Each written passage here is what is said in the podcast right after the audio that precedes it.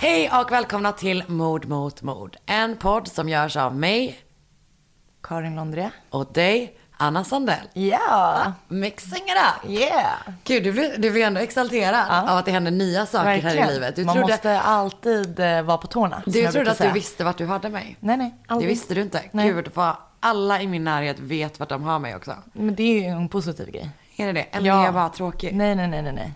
Jag är väldigt trofast, Ja, jag. och du är så noll lynnig och du är bara så bra och sta- stabil person. Alltså på insidan är det ju ett kaos. Men det är det jag är ibland orolig för dig, att du håller allting inom dig. Istället borde du agera ut lite.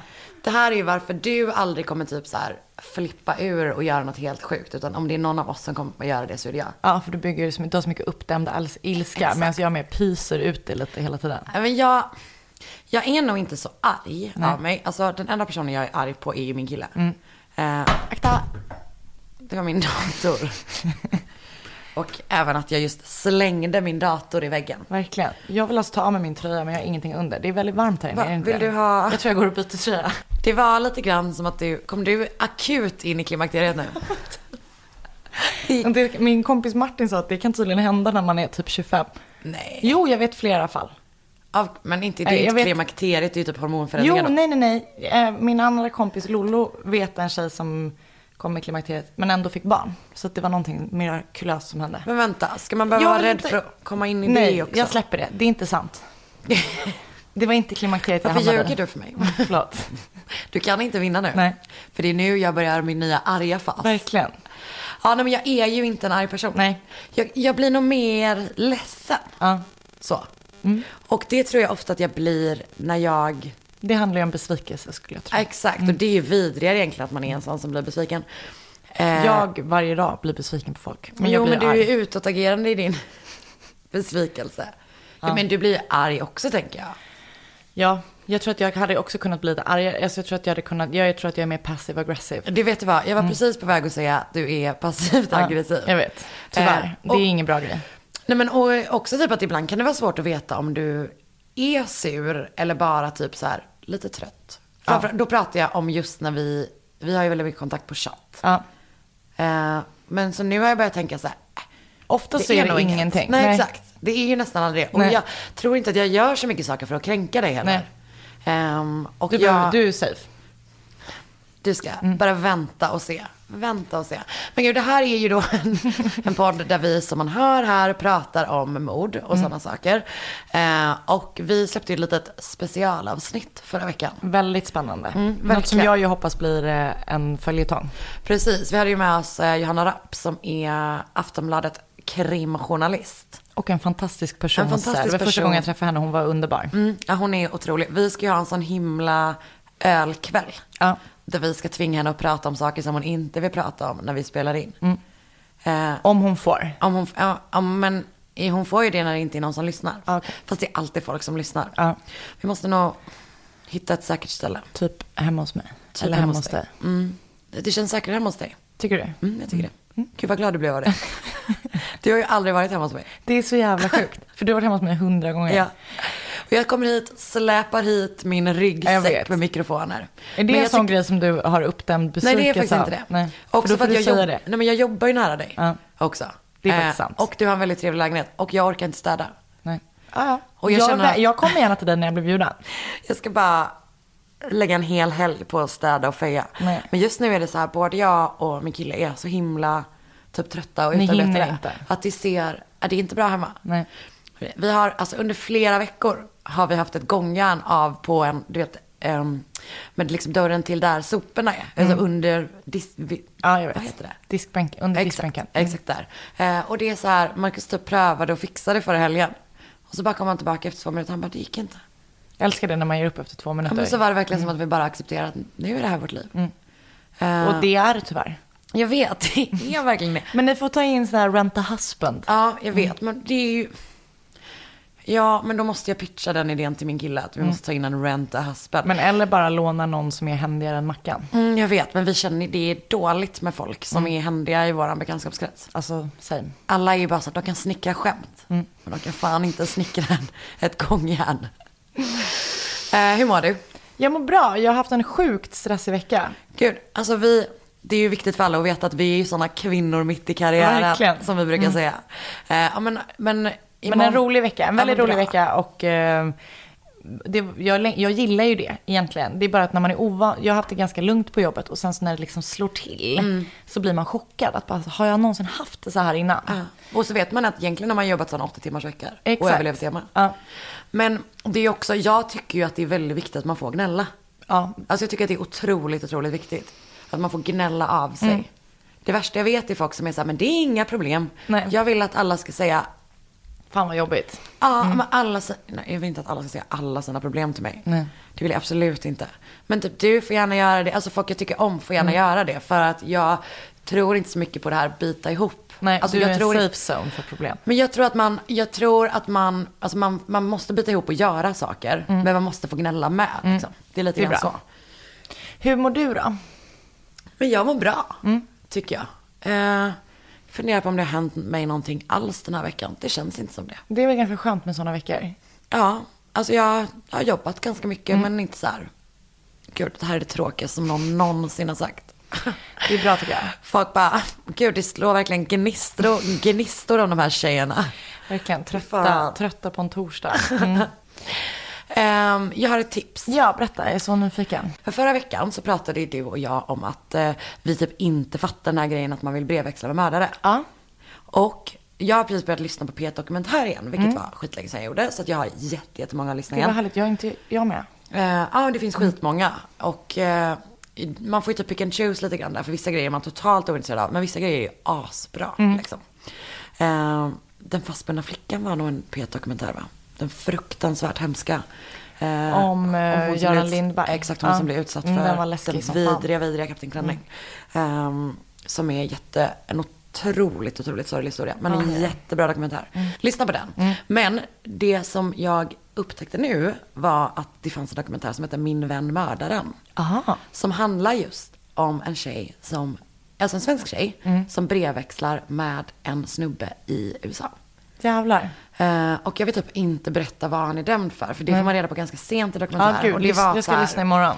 Eh, Men det var väldigt starkt och typ så här, för hon är också så här, hon bara, jag är väldigt intresserad av true crime och typ Mm. krimgrejer. Och där är man, man bara, ja, jag med. Och sen så bara, sen är jag väldigt intresserad av det amerikanska rättsväsendet.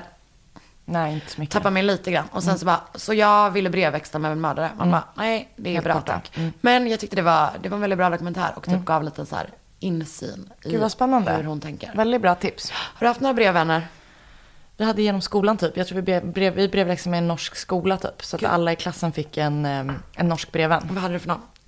Noll minne. Jag tror att jag fick en kille. Att det skulle vara så att alla tjejer skulle få tjejer. Men jag fick en kille typ. För att det var Nej. väl ojämnt i klassen typ. Blev du ledsen då? Men ty, det var som typiskt min otur i eh, grundskolan. Berätta mer om din otur i grundskolan.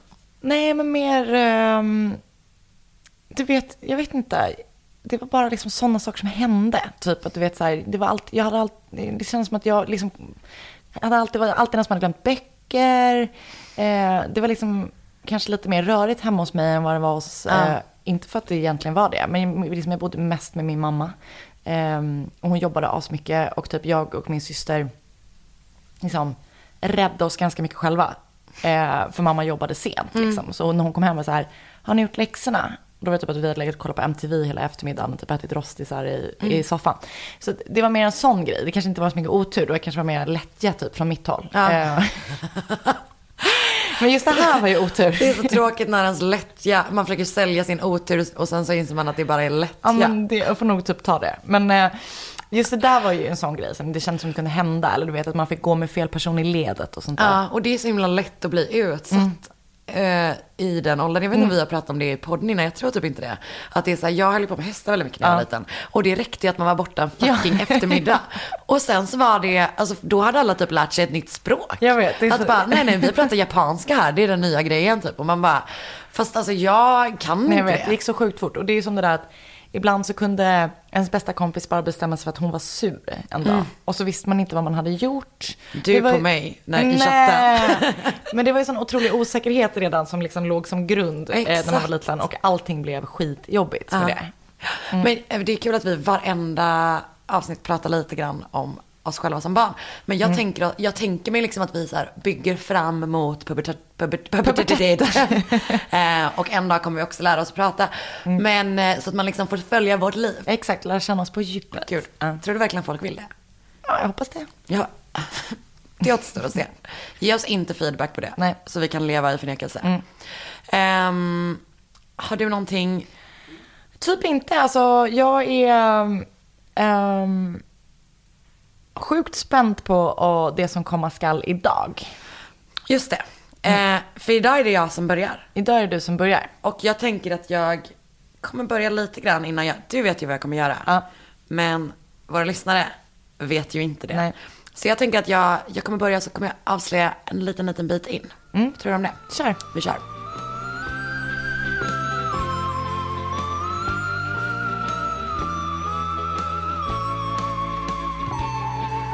Med Hedvigs hemförsäkring är du skyddad från golv till tak oavsett om det gäller större skador eller mindre olyckor.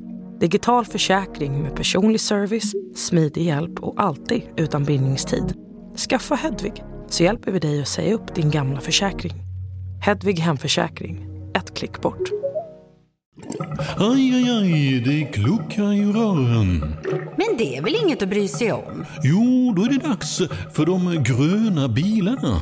Spolarna behöver göra sitt jobb. Spolarna är lösningen. Ah, hör du? Nej, just det. Det har slutat. Okej. Det är den 22 juli 1991. Och 32-åriga Tracy Edwards springer längs med Milwaukees gator. Han har handklovar som sitter fast bara på ena armen. Och han lyckas då stanna en polisbil. Och berättar för polisen att han liksom har blivit utsatt för en galning. Som också då har satt på honom de här handklovarna. Han ber polisen att ta av dem. Men när polisens nyckel inte funkar till dem så bestämmer de sig för att åka tillbaka till den här personen som han har lämnat då. eh, För att ja, men egentligen försöka få av honom handklovarna. Ehm, och det som är sjukt med det här är att Tracy följer med de här två poliserna. Inte bara till lägenheten utan in i lägenheten om jag har förstått det rätt. Eh, och blir, de blir insläppta av personen som bor där. Ehm, när, och så säger då Tracy till polisen att så här, han har hotat mig med en stor kniv och det hände inne i sovrummet. Så poliserna går in i sovrummet, där ser, eller en av dem, och han ser mycket riktigt en kniv som ligger där. Men han ser också en öppen byrålåda med jättemycket så här polaroider i. Och när han går närmare och plockar upp de här bilderna så inser han att de är bilder på döda kroppar. Liksom poserade i så här olika stadier av förruttnelse. Han går ut och så här visar upp dem för sin kollega. Och eh, mannen i lägenheten försöker typ brott, eh, så här slåss mot polisen en liten stund, liten stund. Men han blir snabbt så här ner, nedtryckt. Och medan han ligger på marken så, och den ena polisen stannar med honom, då den gripna, så går den andra polisen in och kollar mer runt i lägenheten. De väntar också på en till patrullkar. Typ. Mm. Patrullbil. De väntar också på en till patrullbil. Ehm, men under tiden så börjar han kolla runt. Och bland annat så öppnar han då kylskåpet.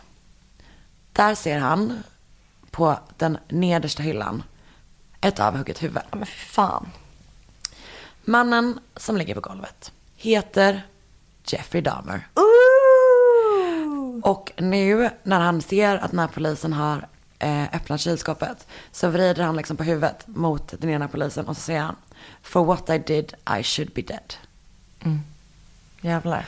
Bam, bam, bam. Mm.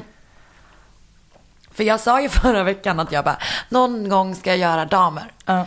Det visade sig att framtiden kom snabbt. Verkligen, Den här gillar veckan. när det händer. Mm, Bra. Ehm, och delvis så vill jag ehm, göra det för att jag var så himla, jag tänkte så himla mycket på det här sen, sen jag gjorde den här researchen. Men också, jag hade också väldigt eh, lite tid i veckan. Eh, det ska jag också erkänna. Ja. Men jag vill också göra den här för att du har ju nu sett filmen My Friend Dahmer. Ja. Jag har läst boken och du har sett filmen. Och den, den, den bygger ju på då ett, eh, eller det är ju så ett seriealbum som kom 2012. Den släpptes tidigare i så miniformat med, med den, här, den här författaren eh, Durf Backdurf, John Durf Backdurf. Så bra namn. Otroligt namn. Eh, han släppte den själv typ tidigare på 2000-talet. Men i så här jättekort version för att det var den han hade råd att ge ut. Så 2012 kom den i så här stort, eh, i, i liksom långt, lång vari- variant. Och filmen kom förra året och nu finns den på svenska. Men du gillade inte filmen, eller hur? Alltså, grejen är, jag gillar ju den på ett... Den är intressant. Men jag såg den med en person som ehm, inte vet någonting egentligen, mer än typ det jag berättade. Ja. Vilket var då så här, det handlar om en jätteläskig seriemördare. Ja. Och det var typ det enda jag sa. Så han förväntade sig väl kanske att det skulle vara så här läskigt. Skräckfilmigt. Ja, men kanske, ja men för att man ser ju att det inte är en skräckfilm typ. Men mer så Zodiac. Ja, men lite så. Och den är ju väldigt, det som är intressant med den är väldigt långsam. Det är det tror jag. Den är inte dålig, men den är extremt, extremt långsam.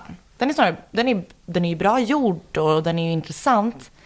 Men ehm, den var lite för eh, långsam för mig. Mm, jag förstår. Men det är ju fruktansvärt, jag, jag ska inte ta någonting av din historia. Men jag tänker vi kan typ väva in det lite grann. Ja. För att den handlar ju om Jeffrey Dahmers uppväxt. Exakt. Tonår typ. Ja, exakt. Tonår ja. Precis från high school va? Ja. Eh, och det, han som har skrivit den här gick ju då i skolan med honom. Ah. Och man älskar ju, alltså han gjorde ju det på riktigt liksom. Och är en av dem som hänger med honom. Okej. Eh, och man älskar ju typ en sån berättelse när man kommer så nära. Alltså det är ju som, eh, eh, som Anne Rules Stranger Beside med hennes Ted Bundy-bok som ju handlar om, hon jobbade med honom. Eh, alltså det är ju något väldigt speciellt när det ändå blir människor av de här monstren typ. Ehm, så att jag tänker vi kan börja lite grann med att så här, Jeffrey Dahmer föds i Wisconsin eh, 1960. Och han är, har då en mamma och en pappa. Och när han är fem år gammal så flyttar de till eh, Bath, Ohio. Och hans mamma är då gravid med hans lillebror. Så det är liksom grundfamiljen. Och hans mamma, som du säkert såg i filmen, har ju eh, en hel del problem. Alltså både psykiska men också fysiska. Hon har någon slags, eh, ja men hon får någon slags spasmer. Hon har ju någon sjukdom när hon får någon slags spasmer. Det framgick typ inte i filmen. Okej, eh, nej men det, så i alla fall enligt boken är det så. Ehm, och eh, föräldrarna, alltså både hennes mående och typ föräldrarna, de bråkar väldigt mycket. Och eh, det gör att det finns liksom inget utrymme för deras son Jeffrey Dahmer liksom. Eh, han får, verkar fått extremt lite uppmärksamhet. Eh, det är liksom genomgående tycker jag, från hela, ja, men hela hans barndom och typ ungdomsår. Vill brasklappa att det kanske visst framgår i filmen, bara att jag missade den detaljen. Sov du? Nej, jag gjorde inte det. Men jag miss, alltså, för det, det som komma skall, det som han gör i filmen Ja. förklaras ju av det. Ja. Så att det borde Exakt. finnas i filmen, bara att jag missat det. Ja, bra, bra, bra brasklappat. Eh, ja, och, men, och, och Jeffrey är då typ en börja, i, i början här glatt barn liksom. Men ganska tidigt så märks, börjar det märkas att han är lite annorlunda. Eh, I tioårsåldern så börjar han bli inåtvänd. Det, ja, det blir vissa barn, det är inget konstigt med det liksom. Men han börjar också tidigt experimentera med djur. Först insekter, men senare så börjar han liksom dra runt i området och leta efter roadkill. Alltså överkörda djur liksom. Eh, och han eh, gör lite olika saker med dem. Han lägger dem i någon slags syra så att så här, skeletten ska separeras från köttet liksom. Alltså han vill typ se hur djuren ser ut inuti. Det verkar vara det som är hans grej. Senare kommer han också typ så här skära köttet av, alltså kött låter så äckligt sammanhanget, men det är ju det. Skä- skära köttet av skelettet med kniv. Ehm, och han har ju då, i high school så är det som att han har lite kompisar. Bland annat den här då, eh, författaren. Ehm, för att, men han är, initialt så är han liksom ingenting. Han är en sån som ingen ser. Som jag tror att alla kan typ relatera till. ehm, som har gått i skolan. Att du vet, det finns de som är utmärkande i sin konstighet eller vad man ska säga. Eller blir utsatta på grund av sin, Ja. sin avvikandet eller att någon bestämmer att de är avvikande eller vad som helst. Det är ju som sagt, kids can be cruel. Ehm, men eh, till en början är han liksom bara en sån som så här, flyger under radarn helt och hållet. Men sen så blir han någon slags här, märklig class clown.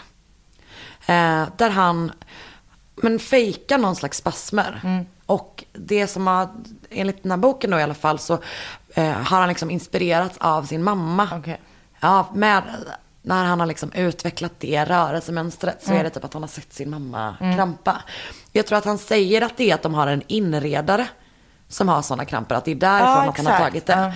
Ehm, men det verkar ha varit hans mamma då. Eh, och det ger, ger honom som sagt någon slags konstig, konstig position som en märklig class clown. Att det är så här, han går runt och skriker och typ de tar med sig honom till eh, the mall och typ tvingar honom, eller tvingar, men de säger till honom att gå runt och typ skrika på folk och göra sina, de kallar det att så här, göra en damer när man gör de lätena liksom. Ehm, och så det, och samtidigt så i efterhand har han beskrivit det som att det var min bästa tid i livet. Alltså när jag, jag hade Han var kompisar. del av någonting, Ja, liksom. exakt. Vilket gör, ja, det är så sorgligt tycker jag. Att det är så här, ja, de var ju typ kompisar men de, han säger ju det själv också. honom, liksom. Ja, att de ändå inte bjöd in honom till Nej. saker så, utan han var en, eh, han var ett roligt inslag mer än han var en kompis. Vilket ju Mm. Man orkar inte jätte- hela tiden men man vill ibland. Exakt, exakt så. Och det är ju väldigt, ja men jättesorgligt. Ehm, och eh, i mitten av 70-talet, i typ 16-årsåldern tror jag, så inser han att han är homosexuell. Eller han har ju säkert vetat det innan. Eh, men det är liksom, han har sagt i efterhand att så här, det var då det gick upp för mig. Men han inser också att han tänder på medvetslösa män. Alltså icke-rörliga kroppar liksom. Eh, och det ger honom så jävla mycket ångest. Alltså att det är så här, han dealar med sina egna demoner verkligen.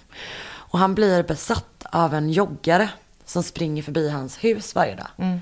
Och till slut så bestämmer han sig för att han ska gå, gå, liksom gå ut och ligga i bakhåll och typ slå honom med ett baseballträ. Och när han är medvetslös så ska han våldta honom. Men som tur är den dagen som han bestämmer sig för att göra det så kommer inte joggaren. Nej.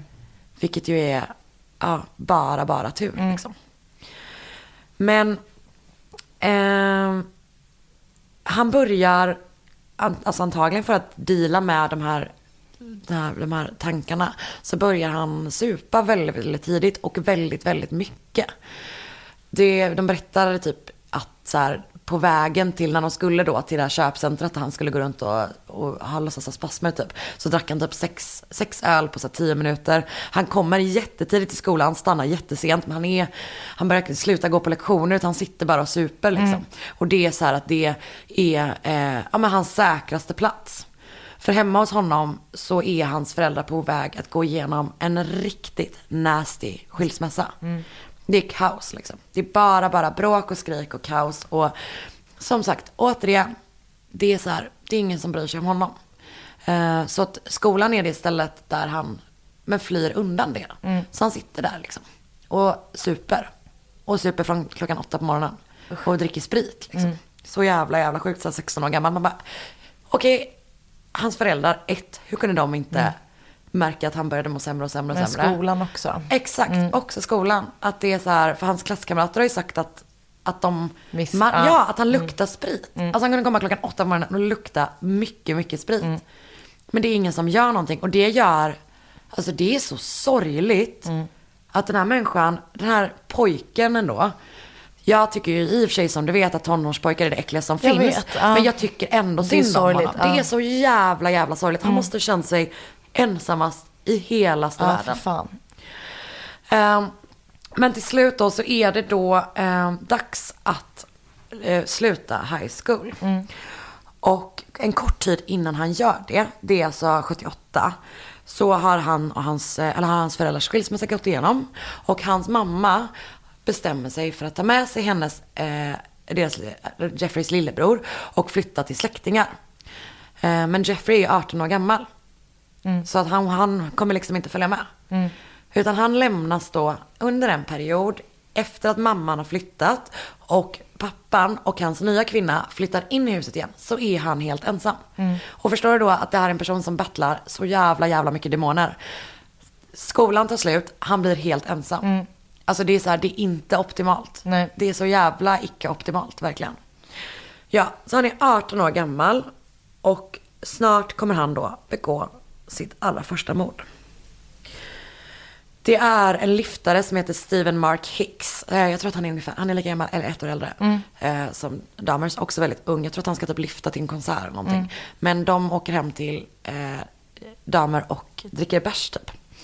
Och sen vill då Steven Mark Hicks lämna huset. Och då är det som att typ han får panik, Jeffrey Dahmer. Så han slår honom i huvudet med en hantel, tror jag det är. eh, Och sen stryper han honom. Och plötsligt är han där så här, ensam i hela världen, 18 år gammal, har just begått sitt första mord. Och det är ju tyvärr där någonstans som man känner att det är där medlidandet. Liksom. Eh, det är en fruktansvärd historia det här, från början till slut. Ehm, Okej. Han styckar då kroppen och gömmer den eh, i något så här, först i någon sån crawl space i huset. Eh, Är det i taket typ eller? jag, vet, jag vet inte. Nej, det, okej. det är så här, Det spelar faktiskt ingen roll.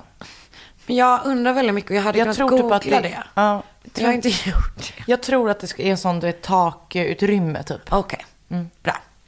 Eh, där. Eh, där. Där lägger han först ett, ett takutrymme. Bra. Sen lägger han den i eh, så här ett, eh, en grund grav i trädgården. Men några, några veckor senare så gräver han upp det igen och sen separerar han kött från ben och lägger köttet i någon slags syra så att det löses upp. Den så här gyttjan häller han sen i toaletten och sen krossar han benen med typ en slägga och lägger ut det i skogen. De bor ju i en skog. Liksom. Eh, och han är ju på väg att åka fast redan i samband med det här mordet. För att han är ute och kör på fyllan med Steven Mark Hicks styckade kropp i så bagageluckan. Fan. Och kör liksom svajigt så polisen stannar honom. Och då har han liksom, det hade kunnat bli fan. det första och det sista. Men eh, han lyckas övertala dem att det är, att det inte, alltså att han är så jag är bara på väg hem. Så de släpper honom och det är fruktansvärda livet, kan fortsätta. Eh, I augusti, först hans pappa hunnit komma hem, augusti samma år, be- mordet begicks den 18 juni. Så i augusti så börjar han på Ohio, State University. Men där stannar han bara i tre månader. Istället så bestämmer han, mycket, grann, mycket så på grund av sin pappa, att han ska gå in i armén. Eh, för att hans pappa tänker att så här, ja men de vet ju om att han har alkoholproblem, han, inte- de vill väl säkert att han ska skaffa kompisar eller någonting, du vet den grejen. Så han blir sjukvårdare och han är, alltså han är typ helt okej på det. Och han är stationerad i Tyskland under en period. Eh, men sen blir liksom hans alkoholmissbruk för tydligt och för problematiskt även där. Så han får en sån honorable discharge. Så 1981 så lämnar han då. Och sen är han i Florida ett tag och sen så flyttar han hem till sin pappa och hans fru. Som han typ beskriver som en sån ond styvmor. Men det funkar inte. Han super för mycket, är för urballad.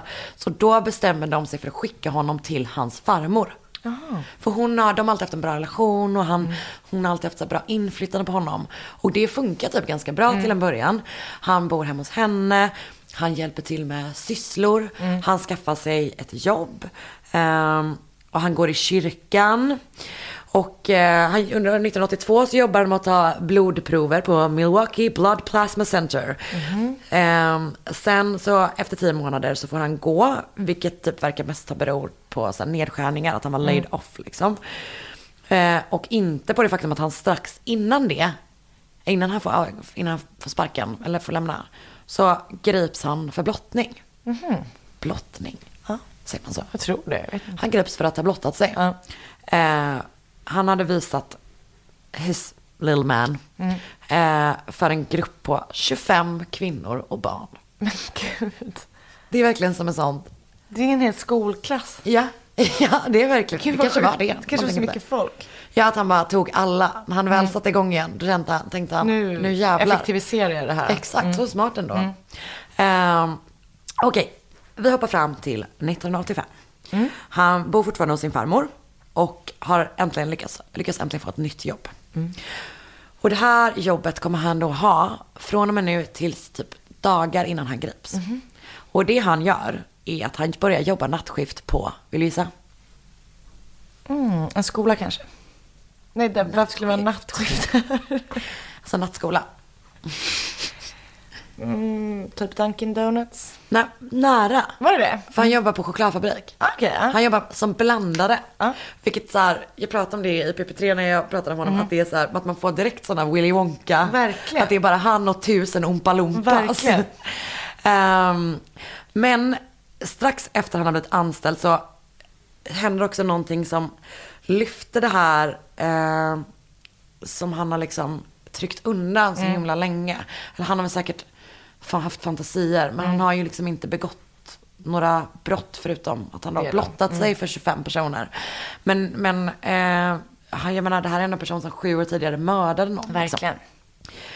Eh, det är så att han sitter på ett bibliotek och en snubbe lämnar liksom en lapp i hans knä där han erbjuder sig att suga av damer. Eh, och även om han inte accepterar erbjudandet så sätter det igång de här fantasierna på riktigt igen. Alltså om så här dominans och eh, kontroll. Liksom. Alltså att han vill göra det med folk, folk han liksom knulla med.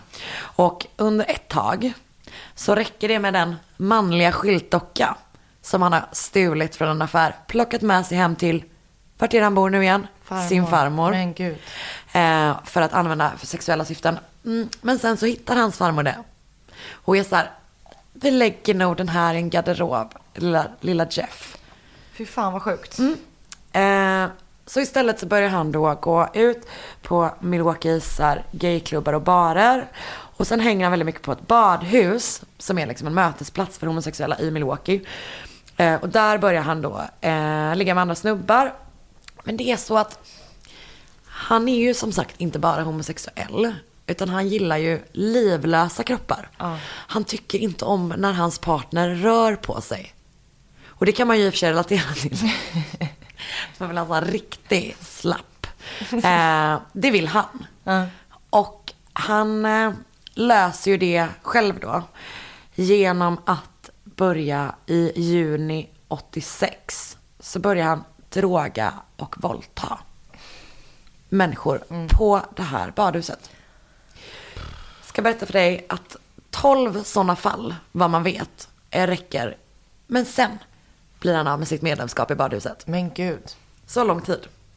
Eh, I augusti samma år, alltså 86, så grips han för att han runkat framför två 12-åriga pojkar. Han säger själv senare att han bara kissade. Man, bara, mm, man blandar typ inte ihop de två. Nej. Alltså det är så här, Det- det, nej. det är två olika saker. Jag tycker ändå det. Jag tycker vi ska vara tydliga med det. Och i mars året efter, alltså 87, så döms han till ett års villkorlig dom för det. Eh, men han fortsätter inte mördandet förrän den 15 september 87. Eh, då har det väl alltså gått nio år, sedan. Nio år sedan det hände sist. Det är så jävla, jävla lång tid. Alltså många som är alltså, seriemördare är ju antingen att de har kanske några år mellanrum så. Men nio år är otroligt lång tid, tycker jag. Men till slut så går det då rejält åt helvete igen. Eh, Steven eh, Uo- Uomi, det är ett av väldigt få Ifrån damer offer som är vit. Han mördar i princip bara svarta och män med asiatiskt ursprung. Eh, tre stycken på hans lista är, lista är vita. Bla, och bland annat är ju då eh, hans första offer. Exakt. Och nu kommer då det andra, också han en vit man. De eh, tar in på ett hotell som Jeff Dahmer har hyrt. Eh, och han säger sen att han bara, bara, bara, bara tänkt droga och våldta honom. Men när han vaknar dagen efter så är han död. Eh, då ligger han typ under sängen och hans bröst är liksom krossat. Och han har inget minne av det överhuvudtaget. Eh, och det kommer också bli det enda mord som han inte är dömd för. För att han vet inte, eller han har liksom inte, han säger att han inte vet hur det har gått till. Typ. Han köper då en eh, väska, stor väska, tar med sig kroppen till sin farmors hus. Eh, där han styckar honom och gör sig av med den. Vad fan. Och jag tänkte att vi kan prata lite grann om så Jeffrey Dahmers modus operandi. Ehm, för att det är väldigt likt. Alltså så här, han gör på samma sätt liksom. Ehm, och det han gör då är att han hittar ofta sina offer på, på som sagt Milwaukees gayscen. Det är liksom barer och så. Ehm, och som sagt oftast nästan bara svarta män eller män med asiatiskt ursprung. Eh, och han var typ så här, han var typ sjukt charmig. Han kunde liksom, det var inte det att han var ett freak som sen snatchade folk på vägen därifrån. Utan han kunde hänga en hel kväll, dricka bärs, vara en god kille typ. Han är ju så här, det är inte det att han ser ut som ett freak heller. Nej. Utan han ser ut som en helt vanlig person liksom. Eh, och sen mot slutet av kvällen så var det ofta att han eh, approachade någon då som han hade valt ut. Eh, och antingen så säger han, frågar han bara om de vill ligga eller så frågar han om de vill posera för bilder. Eller så eh, ger han dem pengar för sex. Ehm, och det första av seriemorden begår han alltså på ett hotell. De tre kommande i sin farmors hus. Eh, och in, efter det så flyttar han då till sin egen lägenhet, vilket händer hösten 88. Eh, det gör han för att hans farmor tycker att det luktar äckligt från hans rum. Nej. Ja. Han drogar alltid sina offer. Eh, och senare kommer han även göra, okej nu kommer varning för äcklig, äcklig fakta. Han börjar senare experimentera med att borra hål i deras skallar. Nej. Och typ hälla syra eller kokande vatten. Vad fan. Mm, Jag vet. Det är för jävla vidrigt. Ber om ursäkt. Eh, det kommer fortsätta vara lite vidrigt, vidriga detaljer nu. När de var medvetslösa så ströp han dem, antingen med sina händer eller något slags så läderband. Eh, och han har sagt att han gjorde så för att han inte ville att de skulle lida. För att grejen för honom var inte själva mordet. Nej. Utan grejen för honom var att han ville åt kropparna. Vilket sjukt. också, ja exakt. Och han har ju pratat väldigt mycket. Alltså han har ju gått igenom så, så mycket om allting som, ja, hur han tänkt liksom. Så det är det som är grejen. Han vill inte utsätta dem för lidande, utan han vill bara åt deras kroppar, vilket bara att göra människor till bara en kropp Ja, nej, är så verkligen. här, man gör ju en människa till en sexdocka liksom. Ehm, det är också ofta att han är full när han gör det för att han tycker typ att det är jobbigt. Han, när han då har strypt dem så använder han kropparna i sexuellt syfte. Alltså det är, det är några detaljer som är så jävla jävla grova att jag typ inte, jag kommer inte säga det. Nej. Eh, om man är, ja man kan googla det. Men det är för, för obehagligt. Eh, han, nej vi kör. Det är grova, grova sexuella saker. Du kan berätta för mig sen. Jag kan berätta för dig sen. Ehm, och så fotade han ju alltid sina offer.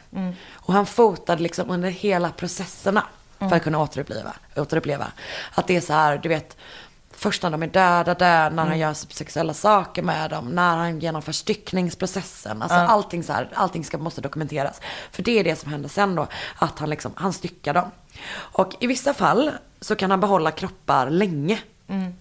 Alltså så här att det är liksom, han har kvar dem tills han känner sig nöjd med dem. Liksom.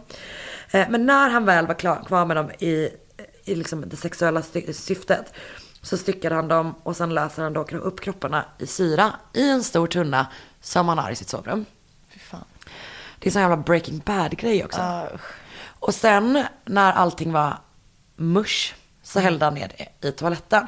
Så inga kroppar lämnar hans lägenhet liksom. Så sjukt. Ja, så att det är allt för, alltså kan du ens tänka dig den fucking lägenheten? Alltså, jag vill inte ens det. Nej, ja bra. Ja. Ska, vi, ska vi prata om ett annat Jag nästa? tycker det. Vad känner du?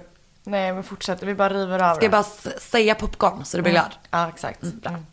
Ehm, efter ett tag så börjar han behålla souvenirer. Eh, I form av surprise kroppsdelar. Oftast huvudet och könsorganet. I vissa fall så tar han kranium, eh, kra, kraniumet. Kraniet. Eh, det var bara att jag ville lätta upp stämningen med min egen dumhet som jag sa så. Jag vet självklart att det heter kraniet. Eh, I vissa fall tar han kraniet. Eh, och löser liksom upp runt Jag, alltså, jag tror att det heter det. Ja. Bara tro på dig själv nu, Anna. Eh, jag är också sån jävla medgångs... Jag bara, jag är så lättövertalad. Det här är återigen varför du hade varit bättre på att starta en sekt än jag. Han, eh, Jo men han tar liksom kraniet, läser upp allting runt omkring och i vissa fall målar han det. Att han målar i någon sån här konstig grå färg typ. Men gud. Eh, I vissa fall så äter han också av sina offer. Han ska bland annat ha ätit hjärta. Mm, jag vet. Och jag vill typ sjukt gärna bara så kort gå igenom alla offer. Eh, för att jag tycker att det är viktigt. För att det är så jävla lätt att det bara är så här, man är nummer på som sagt en typ Jeffrey Dahmers lista. Så därför är jag typ, jag vill bara berätta, eller jag vill bara säga namnen kör. och när de mördades. Ja. Delvis för att du ska få typ en överblick över timelinen men också för att så här, jag tycker att det är viktigt att man förmänskligar folk igen efter typ att Jeffrey Dahmer har tagit all deras mänsklighet ifrån dem. Så, vi börjar 1988. Eh, det är alltså några månader efter det andra mordet på hotellet. Den 16 januari så mördas eh, James Dockstader. Han är 14 år gammal. Den 24 mars mördas Richard Guerrero. Han är 22 år gammal. Den 25 september flyttar Dahmer då till sin egen lägenhet och dagen efter så grips han för att, ha för att han drogat och sexuellt ofredat en 13-årig pojke. Men gud. Pojken lyckas fly och den 23 maj 89 döms han till fem års villkorlig dom och att tillbringa ett år i något som heter House of Correction som verkar vara, det är liksom inte så grovt som ett fängelse men det är typ lite, man bor där och liksom så. Så att han döms då under den här perioden för att ha sexuellt ofredat och drogat den här pojken, som sagt 13 år gammal. Eh, och det gör ju förstås att det liksom, det blir ett, ett litet glapp. Men han hinner, mellan att han blir åtalad och att han blir dömd, eh, den 25 mars så mördas eh, 24-åriga Anthony Sears. Och han blir den sista att mördas i Jeffrey, Jeffreys farmors hus. För att han har liksom en ny lägenhet, men då åker han tillbaka till henne och typ tar med sig någon dit ändå. Det gud, är så ja. otroligt märkligt. Ehm, ja, som sagt, det är in, efter att han gripits men innan rättegången begår han ett mord. Ett mord. Sen blir det då 1990 och han har då kommit ut från det här House of Corrections igen. Den 29 maj mördas Ricky Bix, eh, 33 år gammal. Eh, I juni 1990 mördas Edward W. Smith, 28 år gammal. Den 2 september mördas eh, Ernest Miller. 24 september, eh, vilket är alltså då bara 22, år senare, 22 dagar senare, så, mör, eh, så ses David C. Thomas, 22 år gammal, för sista gången i livet. Eller för sista gången, för att han, alla kroppar försvinner liksom. Sen går vi då in i 91. Och nu är det många. 18 februari, mördas 17-åriga Curtis Strautner. 7 april 19-åriga Errol Lindsay. Och han blir också den första att utsättas för den här grejen där han borrar ett hål i skallen på någon.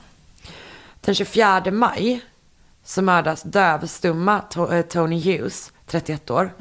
Och hans kropp lämnas på Dahmers sovrumsgolv i tre dagar. Vilket innebär att nästa offer kommer hinna till lägenheten medan han har kvar den första, förra kroppen. Liksom. Och den 27 maj så mördas 14-åriga eh, Konorak Sintasomfone. Sintasomfone. Och alla mordoffer är ju typ, eller är ju förstås precis, precis lika viktiga. Men storyn, hans story är så himla, himla heartbreaking. För att han, delvis för att han är bror till den pojke som Jeffrey Dahmer är dömd för att ha sexuellt utfri, ö- ö- utnyttjat. Men också för att han faktiskt lyckas fly. Jeffrey Dahmer tar med, jag tror att han betalar honom för sex eller, eller för att ta bilder i alla fall. Eh, tar med sig honom till lägenheten och sen går Jeffrey Dahmer och drogar honom. Och sen går Jeffrey Dahmer ut och eh, dricker bärs. När han kommer tillbaka igen så sitter han på trottoaren utanför huset med typ tre kvinnor. Som har så ringt polisen och han är uppenbart drogad och skadad liksom. Och Jeffrey bara, det här är min pojkvän typ. Just det. Eh, och när polisen kommer så lyckas han liksom övertala dem. Så obehagligt. Att det är så här, nej nej, vi är ihop typ. Och han blir sån här när han är full. Så att de, de, och de följer till och med med in i lägenheten, poliserna. Men typ bara kollar runt supersnabbt. Eh, och bestämmer sig då för att bara, ja det här stämmer. Så mörkt. Om de hade kollat runt hörnet hade de sett att det låg en död kropp i sovrummet. Om de hade kollat upp Jeffrey Dahmer så hade de insett att han var en dömd sexoffender för att han var tvungen att registreras som det efter sin dom. Liksom. Man bara, Usch, du har, han har en 14-årig pojke med sig. Ja. Så mörkt. Nej, det är så jävla, jävla, jävla vidrigt. Så, när, så fort poliserna lämnar lägenheten så mördas Konorak. 30 juni, alltså 27 maj, 30 juni, så mördas Matt Turner som är 20 år gammal. Den 5 juli, alltså hör du hur kort Alltså, det är är mellan? snabbt, ja. Eh, mördas Jeremiah Weinberger, 23 år gammal. Den 15 juli, alltså tio dagar senare, Oliver Lacey, 24 år gammal. Eh, och så den 19 juli, det är alltså fyra dagar senare, så mördas Jeffrey Dahmers allra sista offer. 25-åriga Joseph eh, Bradehoft. Och det är samma dag som Jeffrey Dahmer får sparken från sitt chokladjobb. Aha. Så eh, innan den 19 juli så har han hunnit mörda liksom tre personer bara den månaden. Alltså, Det är så sjukt. Förstår du vilken eskalering det är? Och den 22 juli, om du minns från där vi började, tre dagar senare, är när Tracy Edwards följer med honom.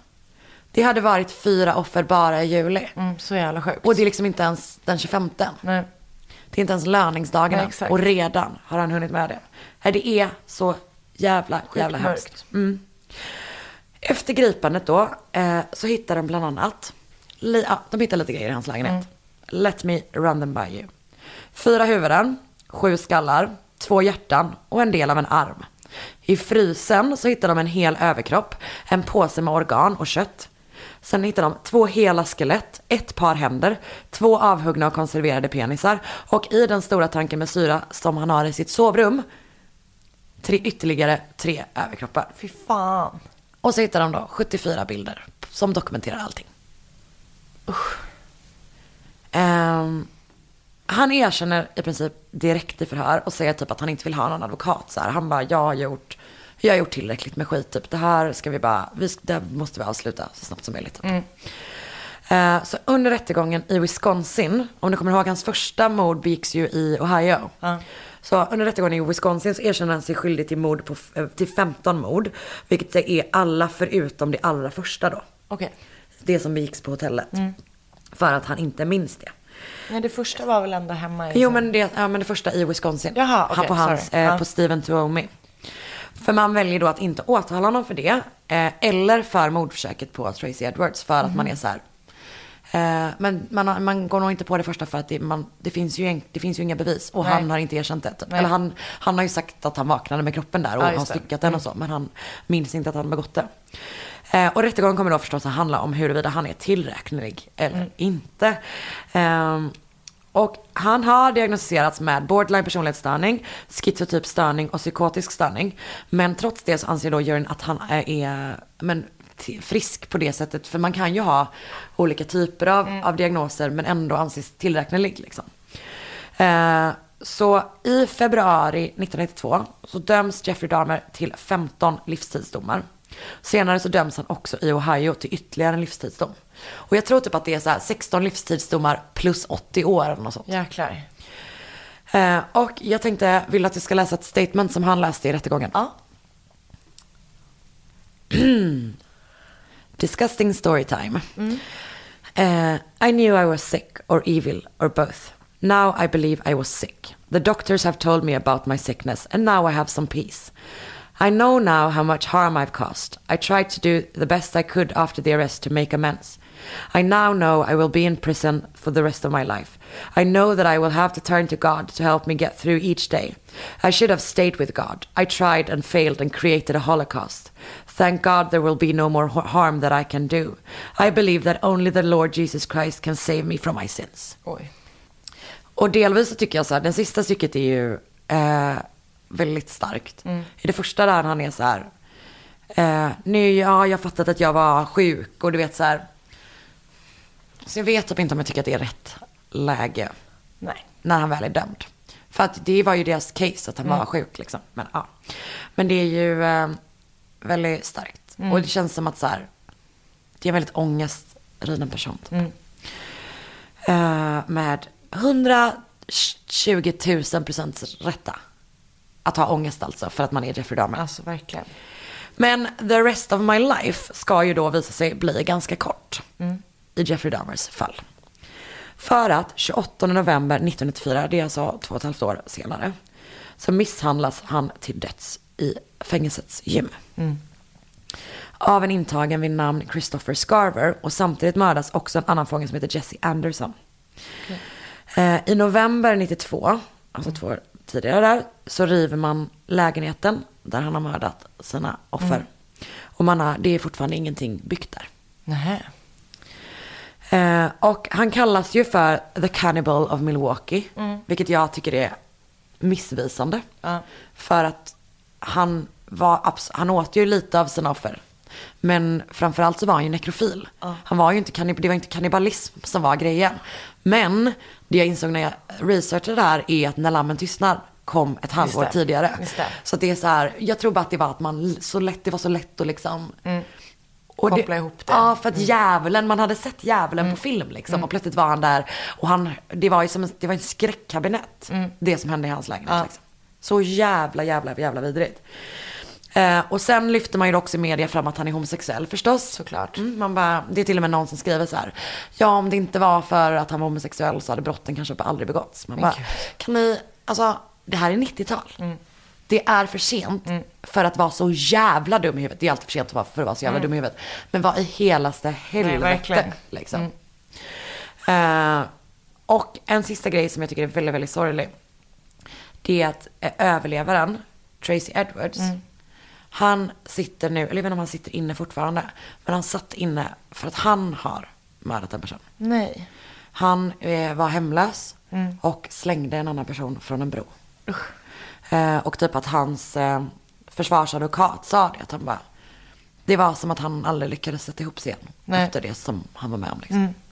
Usch vad sorgligt. Om on a more, on another note, eh, så insåg jag ju att eh, personen som har skrivit alla låtar till ett av mina absoluta favoritband, The Waitresses, som har gjort den I know what boys like, eh, han bor i Jeff Dahmers gamla hus. Men vad sjukt. Eh, så att den, då han lånade ut den, du, du vet att filmen är inspelad delvis i Nej, The det actual inte. house. Vad och det är sjukt. hans hus. Vad sjukt. Jag vet. Kul. Eh, det var bara en liten... Verkligen. Bra Jag kände att det var ett bra sätt att, eh, att Avsluta. avsluta lite grann. Mm, det var det. Eh, för att lyfta upp det lite, lite, lite grann i alla fall. Ja men det var, jag är verkligen... Gud, du verkar ju så... Det är värmen här inne. Det är inte så... Jag har berättat det här otroligt spännande och Det intressant. var verkligen jättespännande. Jag är så sjukt glad att du gjorde det verkligen. Vad bra. Det var jätte, jättebra. Tack. Kan du... Jag Man ser verkligen hur du kämpar för att inte gäspa under tiden du säger det. Jag menar verkligen det från botten av mitt hjärta. Tack snälla hjärtat. Mm. Eh, oj. Ah, nej, jag tänkte... Nej, det var... Vadå? Att du kallar mig för älskling? Nej, det var bara från botten av ditt hjärta och så var det som att jag tackade ditt hjärta. Eller på något sätt. Ah. Ja, det var konstigt. Och sen tänkte jag bara att Jeffrey Dahmer åt ett hjärta. Ja, uh. Eh, Väldigt härligt. Tack snälla. Tack.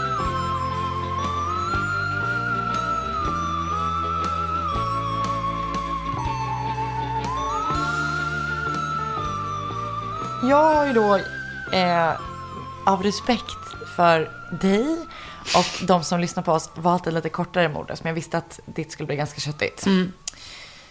Bra. Det Bra, var eller? jättebra faktiskt. Ja. Ehm, Nästa vecka kommer du köra en timme ensam. exakt. Precis. Då, då kommer du inte ens hit. Nej, nej, gud nej. Det kommer vara The Anna Show. Exakt. Eh, så att eh, jag börjar bara. Kör. Jag kommer inte göra lika spännande dramaturgi heller som du. Så jag bara börjar. jag bara kör. Bara kör.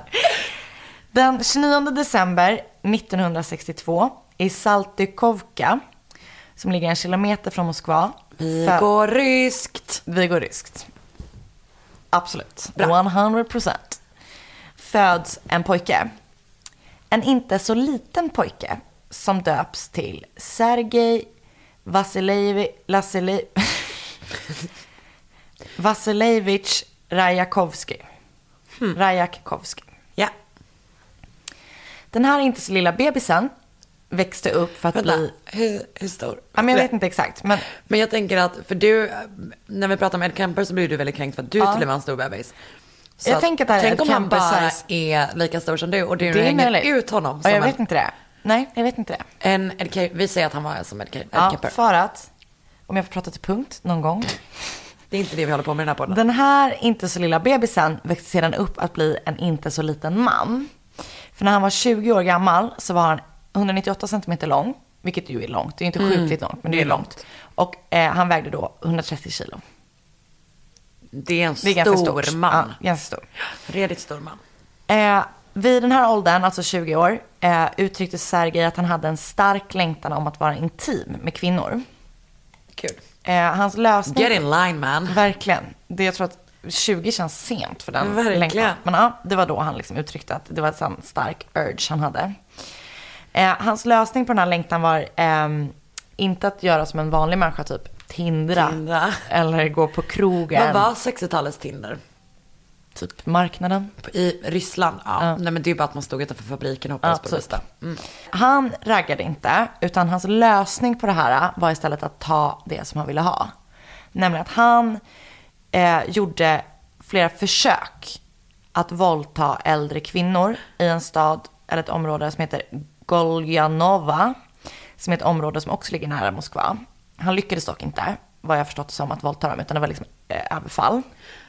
Vänta, så att det är en man som är nästan två meter lång, väger 130 kilo, som går på äldre kvinnor och ändå inte lyckas våldta dem. Det var väl tur tänker jag. Men, Jättebra. eh, Så, så som jag förstått det så, går det inte, så lyckas han inte genomföra de här våldtäkterna. Eh, men som också tur var, var så åkte han fast och eh, för det här dömdes han för huliganism av allting man kan tänkas dömas för. Och han dömdes till fyra års fängelse. Så 1986 kom han alltså ur finkan för det här. Vilket ju var ganska synd, för det här var ju bara en liten mjukstart till vad som komma skall. Gud vad kul det hade varit om det var hela ditt Eller fall. stopp. Det var ganska kort. Som Och- dömdes till fyra år för huliganism. oh, spännande. Okej. Ja. 1988 begick Sergej, jag kallar honom för hans första namn för det är det enda jag kan uttala. Ehm, begick Sergej sitt första mord. Hans första offer var just en homosexuell man i staden Bitsa. Han fortsatte under samma år att döda ytterligare tre homosexuella män. Sergej skulle senare hävda att eh, eh, de här morden var en del av hans uppdrag i att rena samhället på homosexuella och prostituerade. Trots det här påstådda uppdraget då, att re- rena samhället på homosexuella och eh, prostituerade, så var de flesta av hans offer äldre kvinnor. Även om några faktiskt var män och eh, tonårskillar. Så han började på homosexuella män och sen så gick han vidare och äldre kvinnor. Äldre kvinnor, men det var liksom, fanns några. Jag tror Ja, att kan- totalt hade han 17 off- 19 offer. Så att det var lite spridda skurar. Ehm, hans tillvägagångssätt eh, när han dödade sina offer var att eh, hugga dem eller att strypa dem. Eh, och när han ströp dem så var det antingen med sina bara händer eller så var det med ett rep. Och precis som med damer då så tog det läskiga inte slut vid morden. Utan när Sergej hade dödat de här stackars människorna så skändade han deras kroppar och framförallt deras könsorgan. Eh, tyvärr så utförde han även sexuella akter på en del av offren. Eh, så gott som nästan alla hans offer var våldtagna efter deras död. Nej. Mm, så mörkt.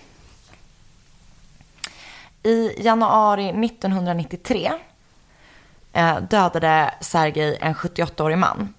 Och efter att han hade dödat honom så skar han eh, av hans huvud med en jaktkniv. Åh, nej. Och sen lämnade han brottsplatsen för att sedan återvända en dag senare för att även skära av hans ben. Han tar lite i taget så. Ja. Mycket att bära. Exakt. Eh, hans nästa offer, vilket var ganska tätt inpå, var en 65-årig kvinna. Som när de eh, hittade henne hade fått sin buk eh, demolerad. Eh, genom att, eh, först läste jag pyroteknisk pryl någonstans. Eh, men det, det verkar som att det eh, var en dåligt fungerande bomb som han hade stoppat upp i henne och som Nej, han sen nej, hade nej, sprängt henne inifrån. Nej. Oklart om det var före eller efter hennes Det död. här är men jättevidrigt. så obehagligt. Jag trodde att du skulle ha något lite lättsamt. Nej, ja, kort men tungt. Kort och intensivt. Åh, gud, jag, nu är jag svettig. Mm. Ehm, så läskigt. Jag, man vet inte, eller jag vet inte om det var innan eller efter hon dog som hon fick den här Men- bomben. Men oavsett sjukt, sjukt Vi måste sjukt tänka att det var efter, för annars Ja. så går det inte. Nej, jag vet. Under samma år, 1993, blev även en stackars 16-årig pojke offer för den här Sergej. Och efter han hade eh, dödat pojken så hängde han upp honom där han då eller innan han hängde upp honom, så hade han också, jag, hittade, jag, jag kan inte hitta svenska ordet för det här, men han hade disembowled honom, alltså öppnat upp buken typ och tömt den. Och huggit av hans eh, huvud också. Så man kan ju säga att eh, Sergejs våld eskalerade med varje offer. Eh, och det fantastiska är i hur han åkte fast, vilket är så här, kolon. Polisen undersökte en av de här brottsplatserna som är utförd på en plats som jag vet inte var, men i någon slags lokal någonstans. Och när de eh, gjorde bara en väldigt liksom basic, vanlig eh, brottsplatsundersökning så hittade de en ögla i taket. Eh, som en sån hängsnara typ. Mm. Eh, så polisen eh, tänkte att det här är nog förberedelser för nästa mord som ska utföras på samma plats. Så de bestämde sig för att eh, lägga sig i bakhåll. Sagt och gjort, lade de sig i bakhåll och några dagar senare så dök Sergej upp på brottsplatsen. Utan offer tror jag. Ehm, och trots att han var då en sån här jätteman, eh, stor och stark, så gjorde han inget motstånd när han greps, utan han bara liksom lämnade över sig. Och han berättade senare eh, i lite utredningen att han hade blivit helt paralyserad av rädsla när han hade sett poliserna med sina vapen. Eh, så han följde det med. kan du ha. Verkligen. Så han följde med frivilligt och sådär. Eh, den ryska pressen döpte Sergej till the, det här är mitt svåraste engelska ord, jag kommer säga det ändå. The hippopop, alltså det är omöjligt. Flodhästen. Alltså det är omöjligt. Hippopotamus. Hipp- hippopotamus. Hippopotamus. Hippopotamus. Eh, vilket då betyder flodhästen. På kul. grund av att han var så stor, att han hade en sån kraftig nacke, dålig hållning och även någonstans har beskrivits att hans hud är liksom så här tjock och vit. Nej, men, men, men vänta. Det var inte det att det var the hippopotamus killer? Nej. Det var bara att de Ja. kallar honom för flodhästen. Fan. Rysk media. Tror det. They don't give a fuck. Tror det. Jag tror att det var bara the hippotamus. Ja, Jag tar det. du tar det. Ja. Ehm, så han då går under namnet Flodhästen i rysk media och det var då på grund av hans utseende. Eh, ändå ganska, det låter ju, flodhästar är ju extremt farliga. Ja. Man tänker att det är så snälla djur. De är super, super, det är savannens farligaste djur, säger han. har vi kommit till Inte så- forskat på det, men gissar att det kan vara savannens farligaste djur. Djurtimman med Anna Sandell. Eh, under utredningen så var han väldigt tillmötesgående och samarbetsvillig. Han berättade om allt han hade gjort. Han berättade om hur han hade gjort det och var morden hade utförts. Han berättade även att eh, de flesta morden, eller alla mord egentligen förutom ett, var gjorda på impuls och han- handlade i affekt. Det enda som, eh, jo till exempel den här äldre stackars farbrorn som först fick sitt eh, huvud... eh, Mosenbenet. Mm, hade Sergej stött på på en skogspromenad. Och liksom då bara, du vet, knäppt till. Eh, undantaget eh, i den här impulshandlingarna var då de här tre homosexuella männen som han dödade i en Just park. det, när han skulle städa upp samhället. Exakt, och det var då för att han ansåg sig ha ett eh, uppdrag. Man bara, och alla de här tanterna och farbröderna och typ pojkarna. det var allting impulshandlingar. Ah, okej. Att det Ja, liksom, men vad fint det att var han som, ändå ja. hade planerat de andra vidriga handlingarna. Precis. Eh, utredningen visade att han inte var galen. Alltså han var proven sane i utredningarna. Eh, och den visade att hans nekrofela tendenser eh, var orsakade av en bristande funktionsförmåga i hans, i hans centrala nervsystem, alltså hjärnan. Vilket verkar sjukt konstigt. Men det. Det här är alltså... De menar alltså att de har sett i hans hjärna varför han är nekrofil. Ja, Det, är ju, det måste det kanske ju är vara. försvar... Alltså, I don't know. Det måste ju vara hittepå. Det måste vara det. Ja. Jag, det här är kan de sagt berätta för oss om det inte är hittepå? någon, någon som är hjärnläkare, som heter Eh. neurolog, heter det. Hjärnforskare. Ja. Eh, hör Hon- av dig. Jo, eh, när han fick höra det här själv så ändrade han sitt beteende helt. Då bara stängde han sig som en mussla, han slutade samarbeta och krävde att de här experterna som hade uttalat sig om hans mentala hälsa eh, skulle straffas. Och han drog även tillbaka sina tidigare erkännanden. Och någonstans läste jag så här, det fanns väldigt lite om det här. Ja. Eh, eh, men någonstans läste jag att så här, eh, någon hade sagt så här, som alla ryska seriemördare eh, drog han senare tillbaka sina erkännanden. Så jag vet inte om det är något mönster. Ehm, trots att han drog tillbaka sina erkännanden så dömdes han till döden eh, genom att han skulle bli skjuten av en firing squad. Just det, så att man inte vet vem som träffar den Ja. grejen. Mm. Eh, och när han fick den här domen så sa han, eh, jag kommer tillbaka, I'll be back. Vet inte vad han menar med det. Men, Sluta, du kommer inte bli på nytt född. Och om du blir det kommer det inte vara som något som kan göra någon skada. nej. Eh, domstolen, Mask. Ja, nej, kan göra skada. Ja, verkligen. Eh, domstolen ändrade däremot senare hans dom till livstidsfängelse.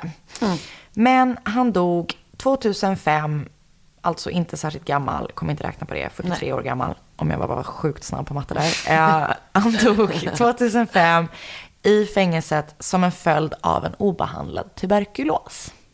Oj. Så det var det. Stopp. Det var verkligen kort och ehm, The hippopotamus. Hippopotamus of uh, jag- salty... Uh, of, vad? Det enda jag känner mig besviken på är att du inte försökte uttala det ryska ordet för flodhäst. Nej men det fanns, jag, det vet, ja okej, kunnat dålig, dålig det. forskning. För men det finns- jag hade nog kämpigt med det engelska. Jag vet, men jag hade så jävla, jag hade så himla gärna, ja, jag borde ju uppenbarligen inte ens prata svenska. Nej. Jag hade så himla gärna hört dig give it a go. Verkligen. Ja, nästa gång så har jag det. Då sitter det. Då sitter Ja. det engelska, det ryska, det spanska, det italienska. Bra, för då blir det franska. diktamen. Ja. Fonetisk skrift hela helgen. Skriv, skrivstil. Mm. bra, tack så jättemycket. Ja, det var bara en liten doldis sådär. jag tycker att det är väldigt obehagligt. Det finns ju ganska mycket liksom, eh, brott från typ Sovjettiden som man är väldigt, väldigt grova och som man vet väldigt lite om. Eh, det finns ju väldigt mycket otroligt obehagliga serier med det där. Jag har ett sånt jävla kanonfall som jag ska göra, som är ett, ett ryskt mysterium. Ja, wow. Längtar. Eh, som jag ska göra någon gång. Eh, kanske inte nästa gång, Nej, men lite längre gång, fram. ja. Eh, som jag ser fram emot. Alltså jag längtar så mycket efter att prata Mm. om det med dig. Ehm, tack så jättemycket. Tack. Du, innan vi avslutar ska vi bara säga att man får tips, man får önska mord. Ja. Fall. Min bästis eh, önskade faktiskt ett mordfall idag. Ah, som jag får se om jag gör det. Han verkar ha bra koll på det, så att jag får se om jag gör det. Mm, kul, kan du intervjua honom för det? Slipper du göra Research, forskning. ja. Eh, ja, så man får jättegärna eh, önska mord, fall eh, som vi ska göra på våra respektive Instagram. Som sagt, vi, som vi sa förra gången också. Snälla dela upp önskningar så vi inte Ja. göra samma. Skriv till mig eller Anna. Mig når man på, når på, ger ut mitt hemnummer. Min pager. Att Karin Londre är ett ord. Du heter att Sandell Anna. Ja. Så får man skriva till oss i DM. Exakt. Kul att vi, vi ber verkligen om att folk ska slide into our DMs. Det är härligt. Mm, verkligen. Vi Det behöver lite aldrig, Eh, tack så jättemycket för att ni har lyssnat. Eh, vi hörs nästa vecka. Hej. Puss puss hej. Med Hedvigs hemförsäkring är du skyddad från golv till tak oavsett om det gäller större skador eller mindre olyckor. Digital försäkring med personlig service, smidig hjälp och alltid utan bindningstid. Skaffa Hedvig så hjälper vi dig att säga upp din gamla försäkring. Hedvig hemförsäkring, ett klick bort.